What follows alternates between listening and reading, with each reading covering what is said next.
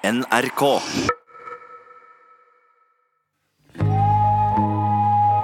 Hei, jeg heter Kari Hestemar, og du hører på podkastserien Elefanten. Har du et øyeblikk i livet ditt som du alltid vender tilbake til? Det har jeg. Noe du skulle ha sagt, men som du aldri har våget å si? Det har jeg. Noe ugjort du skulle ha gjort før det er for seint? I denne serien skal du få møte folk som det de aldri før har sagt, og som hopper ut i det de er aller mest redde for. Så bra er det, men det kan forsvinne når som helst, tenkte Ester da hun møtte den perfekte kjæresten for ti år siden. Så hun slo opp. Seinere har hun ikke klart å glemme han. Og nå lurer hun på om hun skal ta kontakt igjen.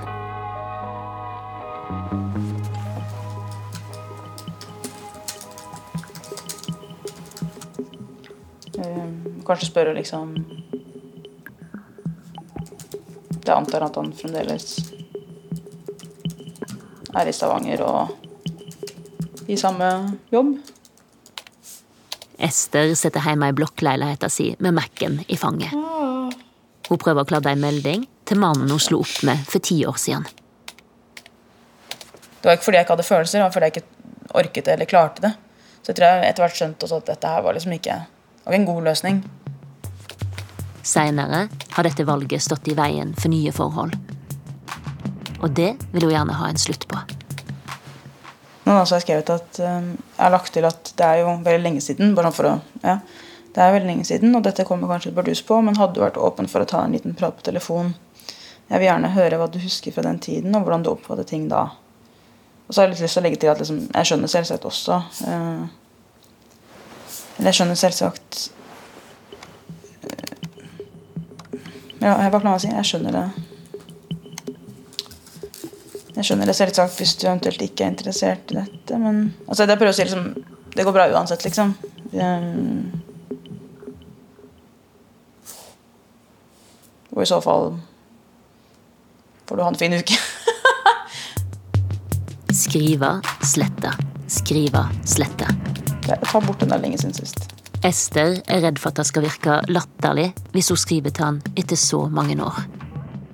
Det er litt lyst til å si at Hvis du ikke er interessert i å snakke om dette, er det selv helt ok. I så fall må du bare Eller hva dere sa, i så fall um, Sånn der, Ha en god dag videre er ofte så formelt, eller blir sånn der service, som sånn servicepersonale. Men jeg vil bare si sånn Hadde altså, det vært sommer, så hadde jeg sagt så får du ha en god sommer videre eller en god jul videre. Altså sånn. Det er vel liksom midt i februar. Det er ikke så mye å by på. Håper du hører fra deg. Smiley? Eller bare punktum? Nå, det er dritstress. Um, hadde du tatt en smiley, blir det innmari mye snå ellers. Smiley er alltid fint, Uh, dette var en uh, kraftanstrengelse. Eller kanskje punktum? Siden du hadde en smile rett før? Ja, det var det. Så nå er det egentlig spørsmål om man bare skal sende den, eller vente, liksom. Tenker du at det bare er å sende?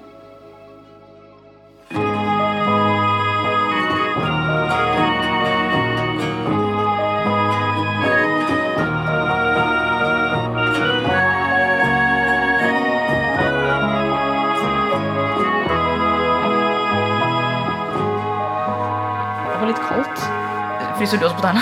Ester er 31 år og har mange venner. Smittende latter og et dryss av fregner i ansiktet. Jeg tror hva skal gjøre med det. Hun har ei høy stilling og har stort sett fått de jobbene hun har hatt lyst på.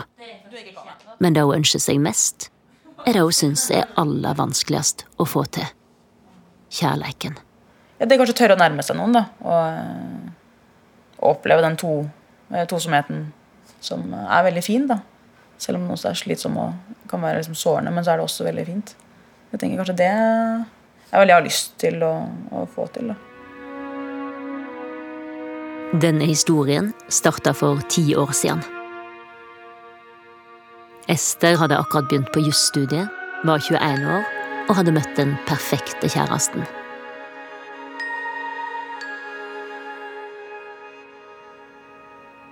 Jeg syns han var veldig kjekk, da. Eh, eller er. Eh, mørkt, svart hår, liksom.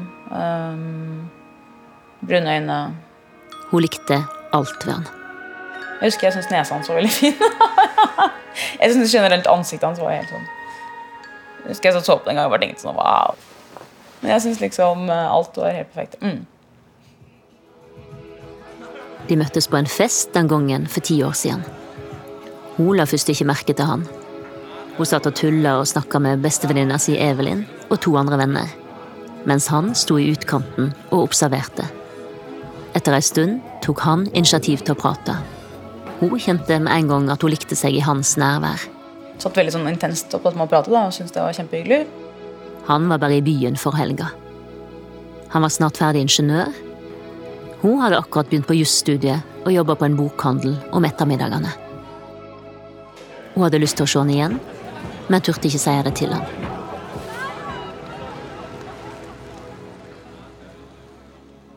Jeg jobbet eh, i Universitetsgata på den tiden, på Nordli.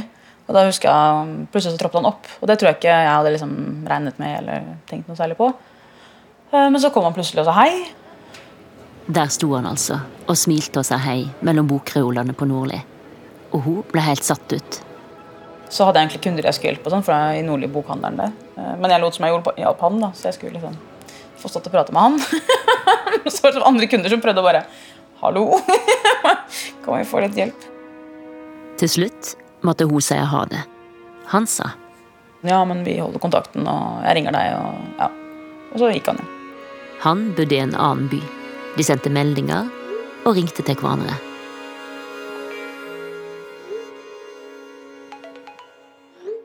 Så begynte de å treffes i helgene. Det jeg husker var at jeg ofte møtte ham på Nationaltheatret. De møttes ved den store fontena. Det var ikke sånn at vi liksom tok hverandre i hånda og begynte med en gang. Det var sånn Vi gikk liksom ved siden av hverandre. Det var grønt, og sola varma når den traff ansiktet. Og så hadde jeg litt lyst til å ta ham i hånda, men jeg turte ikke helt. og, så, og så liksom gikk vi nærmere og nærmere hverandre, så til slutt så liksom tok han hånda mi og så liksom begynte litt derfra, da. Akkurat sånn ville Ester ha det. Jeg husker vi gikk ut og spiste på en øh, tyrkisk restaurant. og Det er sånne ting jeg husker. da. Mye hjemme hos meg. Jeg hadde jo da hybel. Så jeg sånn, var jo der og hang og lagde mat. og ja. Liksom, praten bare løper, og man tuller og man snakker. Og, ja. Så det tror jeg også jeg liksom likte veldig godt. Men kanskje det er for godt til å være sant? Begynte hun å tenke når de var sammen. For hvor lenge kan egentlig det perfekte vare? Er det bare noe en har til låns? Og hvor mye skal en egentlig investere i noe som kan bli revet bort like fort som det dukker opp? Så fint er det, men det kan forsvinne eh, når som helst. Hun begynte å lete etter grunner til at det ikke kunne bli deg. Eh, Jeg husker bare sånn på tannkremtuben, da, så kan det jo bli sånn gøgg sånn Bare tannkrem, sånn størkende tannkrem, liksom. Og så, det orker jeg ikke alltid å ta bort, for da må du, liksom, du må kaste det og sånn? Så jeg kan jo bare Og da kunne jeg liksom Men det tok han alltid bort veldig resolutt, da, i sånn overnatta, liksom. Og det tok jeg litt sånn sånn Ja, litt kritikk. så det er så idiotisk. Men jeg, altså, at han ville ha en viss standard, da. Dette gadd ikke han, liksom. Jeg lurte mye på hvor, mye, hvor seriøs han var, og hva han tenkte om fremtiden. Og sånn, og så begynte jeg vel etter hvert å øh, bekymre meg for bakgrunnen vår. Fordi um, jeg hadde liksom norsk, jødisk og israelsk bakgrunn, og han hadde armensk-persisk bakgrunn. Uh, og på en måte hellet mer mot det muslimske. på en måte da. Mm. Så jeg skjønte jo at det var for tidlig å tenke på familie og barn og sånne ting. Så en måte, jeg tenkte nok på at er det vits å involvere seg i en person som kanskje du aldri kan være sammen med, eller om som bare blir ulykkelig ut av. Um,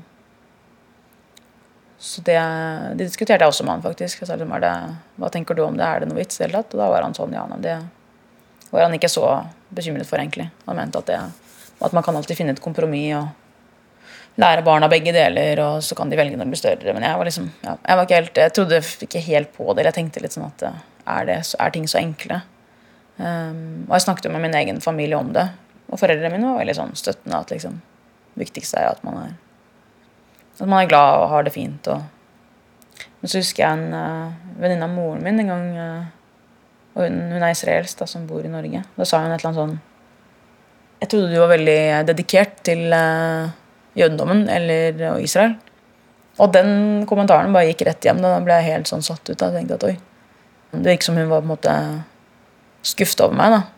Jeg bryr meg til en dag ganske mye om hva folk mener. så jeg tror jeg liksom Da ble jeg liksom bekymra. Sånn, er det å gå bort fra eh, min bakgrunn, da? Eller vil folk liksom tenke at nå er ikke hun med lenger? Noe av det som gjorde at de forsto hverandre så godt, at de begge hadde minoritetsbakgrunner og så litt likt både på kultur og religion, blei plutselig et potensielt problem. Hvor er det meninga man skal være? Hvor hører jeg hjemme? Eh, hvor kan jeg ja, passe inn samtidig som man er seg selv? Skal du liksom ha tilknytning til Iran og Israel? Altså, jeg tror det er ganske vanskelig. Det er to land som uh, nesten er i krig med hverandre. Det er kanskje litt dramatisk, da, men jeg tenker at måte, for begge land så vil det kunne se ut som du, måte, du involverer deg med fienden. eller sånn. Likevel er det han som har satt standarden for hvor bra et forhold kan være. Kanskje var det så fint som hun husker det? Eller kanskje er det bare en fantasi som har fått vokse inn i henne? Det får hun ikke svar på før hun har snakka med han. Det viktigste for meg er jo egentlig bare å mm, se om han har lyst til å prate i det hele tatt, egentlig. Det kan hende at han bare Uff, ja, Hun har kladda ferdig meldinga til eksen, men trenger en prat med bestevenninna Evelyn før hun gjør noe mer. Jeg er litt uselvstendig. Hun hjelper meg alltid. Men hun er jo støttekontakten min. Da. Det er jo sånn Og veldig sånn smart sånn på alle de her tingene her. Dette, dette kan hun. Men Evelyn er på jobb i utlandet og vanskelig å få tak i. Ja, men svarer, altså. Jeg vet ikke hvor tilgjengelig hun er. Bare tanken på å sende melding til ekskjæresten får pulsen til å stige. Den samtalen kan jo bli veldig ubehagelig. eller sånn sånn. Om det ikke blir noen samtale, så kan jeg sikkert føle meg avvist av det. Også, eller hvis det blir en samtale som på en måte Kan jo hende at jeg ikke syns det At det kan være litt sterkt å høre, eller et eller annet som på en måte eller hvis det er veldig tydelig at han er et helt annet sted, eller jeg vet ikke. Det er lett å være passiv. Jeg har kanskje vært det veldig lenge. Eller sånn at man bare tusler rundt og håper det vil ordne seg. Men jeg tenker at det er noe med å gjøre noe som kanskje fremprovoserer at det liksom blir ferdig. Ja. Så jeg tror det kan være bra liksom bare få noe bevegelse i det. Så får man heller gå på trynet hvis det så gjør det, da. Seinere på kvelden tikker det inn en SMS fra Evelyn. Veldig bra tekst. Meldinga er godkjent. Ester sender den videre til ekskjæresten.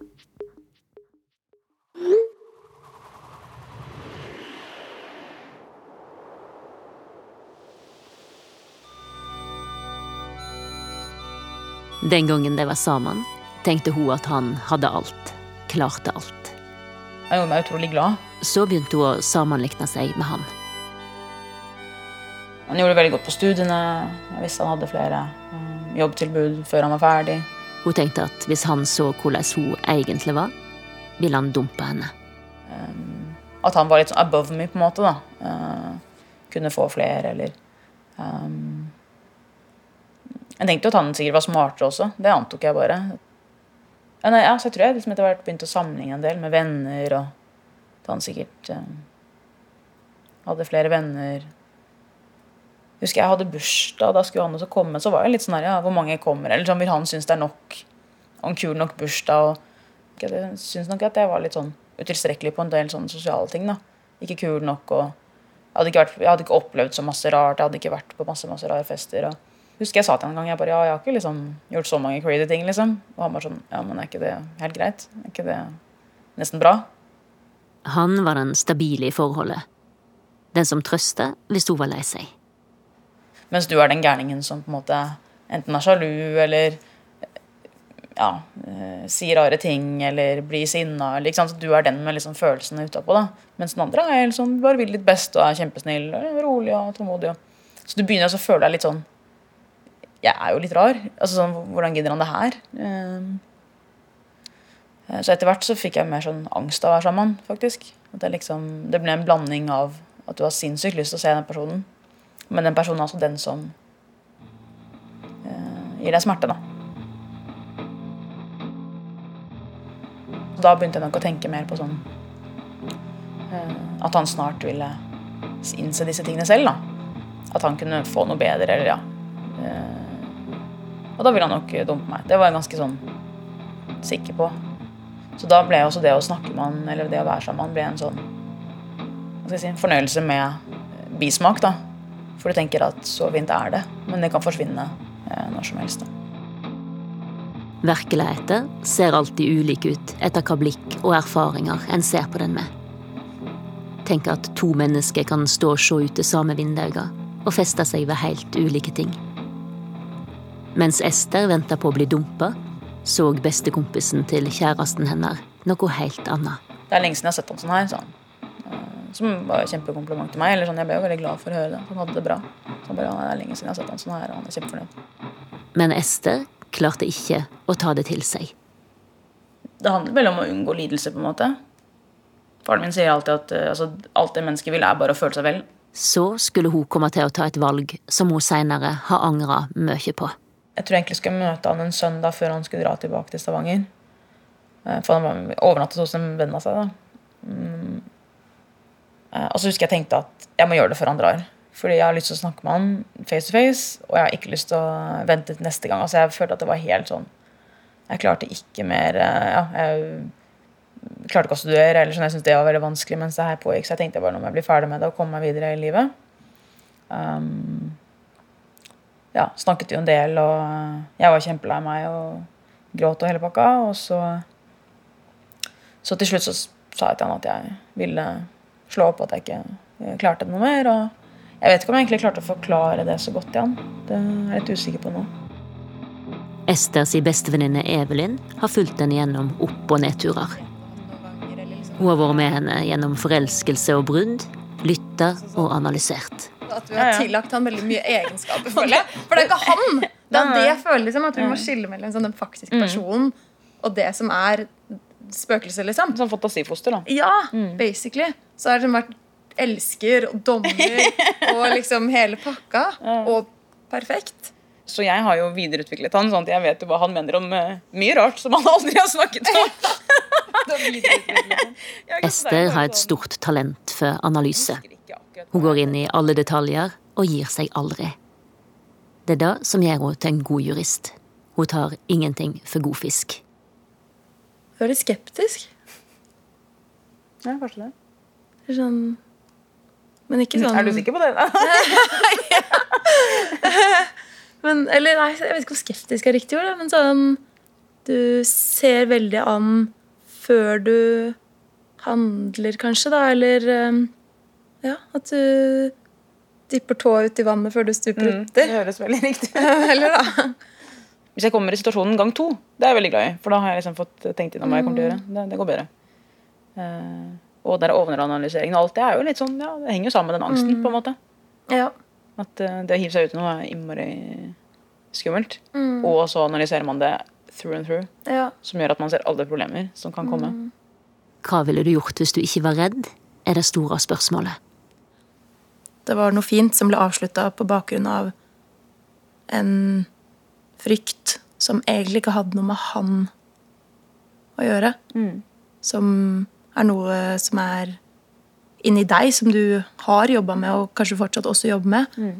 Um, når det har gått så lang tid, og man da kanskje ikke har funnet noen som man liker like godt, eller um,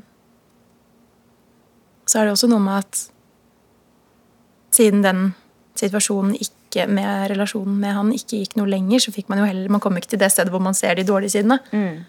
Det er sånn Det er jo masse fine kjærlighetshistorier som slutter når folk er nyforelska. Det er sånn Hvis Romeo og Julie hadde fått lov å henge sammen i fem år til, så er det ikke sikkert det hadde vært så romantisk. på en måte. På et eller annet tidspunkt så skjer jo virkeligheten, men siden det stoppa opp liksom på piken, da, hvor man bare er sånn Herregud, og begge er der. Av og til kan det jo òg være riktig å gi seg på topp. Det får Ester kanskje aldri svar på. Men det hun kan få, er innsikt. Et par dager seinere ringer Ester fra et møterom på jobben og forteller at hun har fått svar på meldinga hun sendte til ekskjæresten. Jeg er litt stressa. De har avtalt å snakkes i morgen. Det er ti år siden sist. Han er veldig rolig, fattet, litt avmålt. Og det tar jeg med en gang. Altså, ja, det liksom tok meg litt tilbake til uh, sånn det var, kanskje. da. Hva er det som gjør at du eh, oppfatter han som avmålt? Jeg fikk en synkende følelse når jeg leste første, det første svaret hans, som egentlig objektivt sett nok var helt fint. Men det at han poengterte at det var lenge siden, gjorde at jeg tenkte å ja, men at han syns sikkert det er teit å ta kontakt i så lang tid, hvis du skjønner. Men det er jo bare én tolkning av mange mulige. Ja, det er ti år siden, faktisk. liksom, Skjerp deg. Altså litt sånn. Det trenger ikke å være sånn som jeg tenker, men det er min sånn første Førsteinntrykket er at han er avmålt, på en måte. Det er bare en magefølelse jeg har. Mm. Um, og jeg pleier å rette på det, med det, men det vet man jo ikke. Så tror jeg jeg kommer til å føle meg litt underlegen, på en måte. At her har vi han, denne personen som um, har gått videre, har mest sannsynlig et veldig bra liv. Og så har vi meg som på en måte sitter fast i det, uh, sliter med det, ennå ikke har fått orden på det. Altså, bare den ubalansen der, da, som jeg tror jeg føler litt på. Så jeg er på en måte ikke ferdig, men jeg håper at det her vil gjøre det ferdig. Ved at man får liksom virkeligheten i fleisen, da. Ester sin motivasjon for å bli med i podkasten var at hun ville komme seg videre. Vi har snakka fram og tilbake om hva som leder til bruddet, og hva som gjør at det er så vanskelig for henne å finne en ny kjæreste. Om at eksen har fått rollen som hennes egen indre, strenge stemme, og står i veien for nye møter. Det har gått snart et halvt år, og jeg er usikker på om hun faktisk har kommet seg videre. Og begynner å miste retningssansen sjøl. Tar kontakt med Katrin Sagen, som er psykolog og som lager podkast om kjærleik. Worried? Vi møtes på en benk i parken, og Ester går rett på sak. Det finnes masse single mennesker rundt omkring som egentlig har lyst til å finne, noen. Ja, Og så finne- og så finner man ikke. Eller sånn, det er jo masse muligheter, men at man Ja. kanskje ikke føler at det er den store kjærligheten. Og alle liksom går og leter etter den eksplosjonen som skal gjøre at du skjønner at det er den personen. da. Kanskje jeg treffer en annen som er enda litt bedre, liksom. At vi hele tiden blir drevet Ja. av det. Jeg er litt på utkikk etter noe annet hele tiden. Alt er Mm. litt sånn Blir lettere at ting er midlertidig. Ester forteller at hun sammenlikner nye menn hun dater, med ekskjæresten. Ok, Så du er redd for at når du dater videre nå, at du da liksom blir plaget av at du sammenligner? Ja, og det vet jeg at jeg gjør nå. på en måte. At jeg, når jeg møter folk, så liksom tenker jeg at ja, man var jo ikke helt sånn. ikke helt sånn. Og ikke, altså, ikke Mm. bare med han her eksen her, men For, for jeg syns jo at det er veldig normalt og forståelig at man sammenligner. mm, at det gjør vi jo, liksom. mm, Så, så, og hvis, hvis, hvis man har vært heldig eller ja, uheldig, eller hva jeg skal si, mm. hatt en sånn skikkelig forelskelse, så vil man jo ha det en gang til. Man vil jo liksom dit. mm, Men så vet vi jo at de der forelskelsene er så strevsomme, fordi at noen tar litt lengre tid. Noen forelskelser bruker lang tid på å komme i gang, mens andre er mer sånn første, andre, tredje møte så bare Eh, Så kjenner man det og vet liksom at her er det noe, og så vokser det. Mens andre ganger så, så er det den kollegaen som bare har vært eh, Fridtjof på regnskap, liksom. Som ikke Han med de store ørene. Han bare vært han, og så plutselig så endrer det seg. Det kan være år, liksom, med bare sånn vanlig lunsjprat. Hvor noe skjer hvor man plutselig blir mer personlig en eller annen grunn, begynner å prate på en annen måte. Og så endrer hele ansiktet seg, hele personen, og så plutselig så blir det sentrum, og så blir man forelsket. Så det, det er jo litt sånn lunefullt, det der Nei, forelskelsen. er ikke det ganske sjeldent, da? Ester vil ha fakta på bordet. Det har kanskje ikke sånn totalt statistikk, men sånn Nei, men vet du, det Ja. som er sjukt, er at det er det som er mer vanlig enn den eh, den pang... andre. Ja. Den pang-greien er ca. 10 Med andre ord har Ester 90 større sjanse til å treffe den rette på andre måter. Man kan tenke liksom at eh, Ja, ja. Jeg syns Han var litt for eh, lav, liksom. Ja, ja bitt du er litt for lav, liksom. Sant? Ja, men du lager, han lager så god mat at jeg holdt på å dø av det, så jeg må bare ha mer. Eller han er så utrolig gøyal at jeg, jeg kan tåle at eh, at han er litt glissen i håret, liksom, hvis du skjønner. Men da er det ikke forelskelse, for da vil du ikke bry deg om det håret, tenker jeg. Eh, ja, For- for jeg der at er jeg litt man uenig med deg. Ja, for jeg tenker Hvis man tenker på de tingene og syns det plager deg, så jeg tenker, da er du ikke nok. For da tenker jeg at du går litt i den der eh, 'jeg skal føle alt med en gang'-fellen. Og da leter du etter en prosent som er veldig lav. Man må tillate liksom Mm. hele systemet til å bli kjent med det mennesket. Og ofte er det sånn at i begynnelsen så ser vi nettopp de feilene, eller hva jeg skal kalle det for, Mm. eller de som ikke er på listen av det du ønsker deg. Og det betyr ikke at det ikke er potensial, sier du? Nei, det er det jeg sier. Men sånn hvis man kan tenke ja, ja, men nei, det var ikke helt for meg. Men, men ja, ja, var jo litt gøy òg. Det var litt interessant å prate. Det kan bli til noe. Der kan det ligge noe. Da plutselig blir den nesen eller den issen det fineste du har sett. Eneste de vil jeg legge inntil den issen.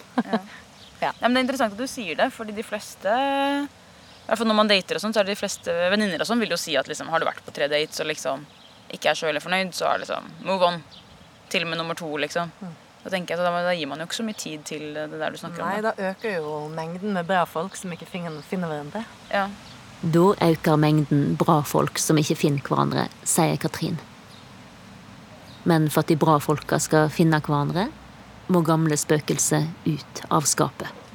Ekser på en måte, eller møter som ligger som man aldri fant helt ut av, og som, som eh, er liksom potente bak i bakteppet der, som er farlige eh, når man har kommet inn i et annet forhold. For det spøkelset kan komme frem med, med skikkelig kraft. Eh, og så er det vanskelig å sortere hva som er følelser, hva som er lengsel, hva som er fantasi, hva som er idealisering det er en spesiell type kjærlighet. Eh, gamle kjærestene som liksom sitter med som er avsluttet på en eller annen måte, om det var litt som du beskriver, eller at ikke det er forankret i 'vi passer ikke sammen', eller 'jeg vil ikke dette' på ordentlig. Ikke sant? De bruddene der etterlater seg et annet type par enn der hvor det er et reelt brudd, eller hva jeg skal si. Det, det, er, det er annerledes. De er også litt, de, er litt, de må man passe seg litt for hvis man er i et godt parforhold. Prøver ikke å oppsøke de. Og jeg tror som deg at det kan du kjenne med mange. Det, er, det er ikke bare han du, du kan kjenne det sånn med, men da må du jo selvfølgelig komme nærme noen. Da må man være åpen for noen andre. Ja. Så han kan, ikke, han, kan, han kan få lov til å være inni hjertet eller inni historien din og være viktig, men han må ikke komme i veien for deg. For da sperrer han jo for noen andre.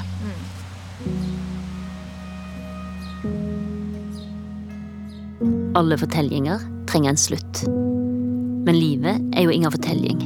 Bare en serie med hendelser som avløser hverandre. Valg som blir tatt. Likevel er det som om det som blir kasta opp, må komme ned. Ester tok til slutt mot til seg og snakka med ekskjæresten. Hun er nesten elektrisk når hun ringer og forteller om telefonsamtalen, som hadde vart i nesten én time. Den gode nyheten er at det var en veldig hyggelig samtale. Å, så fint. Um, først så snakket vi litt rundt omkring bare sånn jobb og hvor vi var og hva som skjer, liksom. Og så etter hvert sier han ja, men du må fortelle om denne podkasten, da. Jeg begynte litt mykt da jeg sa den tiden du kjente meg. um, og så liksom ja, gikk jeg inn på det, at, uh, at jeg var superforelska samtidig som jeg bare fikk veldig mye angst. Så virka som han liksom Ja, han sa sånn, nei, nei, det var jo en veldig fin periode. En sånn periode jeg tenker tilbake med glede. Og jeg ville ikke vært foruten å liksom Bare syns liksom, det var perfekt på alle måter. Um, og sa men det gikk jo innmari fort, sa han. Liksom, plutselig så var det over. Og jeg skjønte jo ikke helt hvorfor. og sånn. Han mente det kanskje var litt med timingen også. Uh, for dette var en tid hvor på en måte, jeg skulle inn i studier, jeg var veldig sånn usikker og litt sånn ung, på en måte, da, mens han uh, hadde begynt å bli ferdig med studiene, gikk det veldig bra med han, skulle ut i verden. At, at jeg var på en måte emosjonelt vrak, liksom, det, det tenkte ikke han. Eller sånn, ja. Det er liksom godt å vite da, at det kom ikke så mye ut som det jeg trodde. For jeg, jeg følte jo at han så at jeg var helt på tuppa, på en måte. Uh, mens han har nok kanskje ikke skjønt hvor mye jeg følte på det. da. Så det er jo mye man føler, men som andre kanskje ikke ser. Eller, ja. Men han var jo veldig glad for at jeg sa det. Han bare, han bare det her er en fin gave å få på fredag. Og, um, liksom at det var veldig hyggelig å høre, og han ble veldig smigret. Og uh, nei, liksom, ikke Altså, man var veldig fornøyd og glad for å høre det her, da. Men det var en veldig god opplevelse. Var, altså, jeg er sinnssykt glad for at jeg gjorde det, selv om jeg, jeg har jo grudd meg siden de sendte den der eh, meldingen. Jeg, det har jo vært så jævlig. Og nå angrer jeg bare på at jeg ikke tok det før. Det har gått et halvt år siden jeg møtte Ester første gang. Det har gått fra vinter til vår til sommer. Og jeg skal treffe henne en siste gang for å høre hvordan det går med livet og kjærleiken. Vi setter oss ned på en benk i parken. På den ene siden så um, har det kanskje vært Eh, så kanskje prosessen og kanskje den telefonsamtalen med ekskjæresten har gjort at det har vært lettere å legge fortida bak seg. At fortid har blitt fortid, som den skal være. på en måte. At, man, eh, at det ikke er så levende lenger. Så det har vært litt fint. Eh, og samtidig så har det kanskje vært det at jeg gjorde noe jeg var veldig redd for. Men når du er ferdig med det, så føler man seg veldig bra. Det var akkurat som at bare sånn mange kilo liksom ble tatt av skuldrene. Det følte meg sånn Jeg befridd, liksom, sånn fra bekymringer. Og bare følte at nå Kanskje ja, den kvelden og jeg vet ikke om dagen etterpå hvor lenge det varte, det husker jeg ikke helt. Men bare sånn enorm følelse av at nå har jeg ingen bekymringer i hele verden. men man får kanskje utvidet litt uh, ja, man, den oppfatningen av det man kan tørre å gjøre. Så tenker jeg at jeg kanskje er litt ærligere. Jeg vet ikke. Hva er det du har tørt nå som du ikke ville tørt før? Det er litt forskjellige ting, men uh, På en måte å ta mer plass, holdt jeg på å si. Eller sånn at jeg kanskje tør å gjøre litt mer ting etter eget hode. Um, og gjøre de tingene som er viktige for meg. Um, og hvordan er det på datingfronten, da? Eh, nei, jeg dater. eh, nå har jeg jo ja, datet en litt over en litt lengre periode. Så får vi se hvor det går. Jeg sendte han rett og slett eh, etter å ha fått tips fra en venninne om at, at han var veldig bra. så sendte jeg rett og slett en melding eh, og spurte om han ville ta en kaffe. Og det eh, ville han. Så da møttes vi for en kaffe. Så møttes vi noen ganger til. Altså det at man bare kan spørre noen om de har lyst til noe, og så har de det. Det var også ganske befriende. Sånn, ja. ja, det gikk fint, liksom.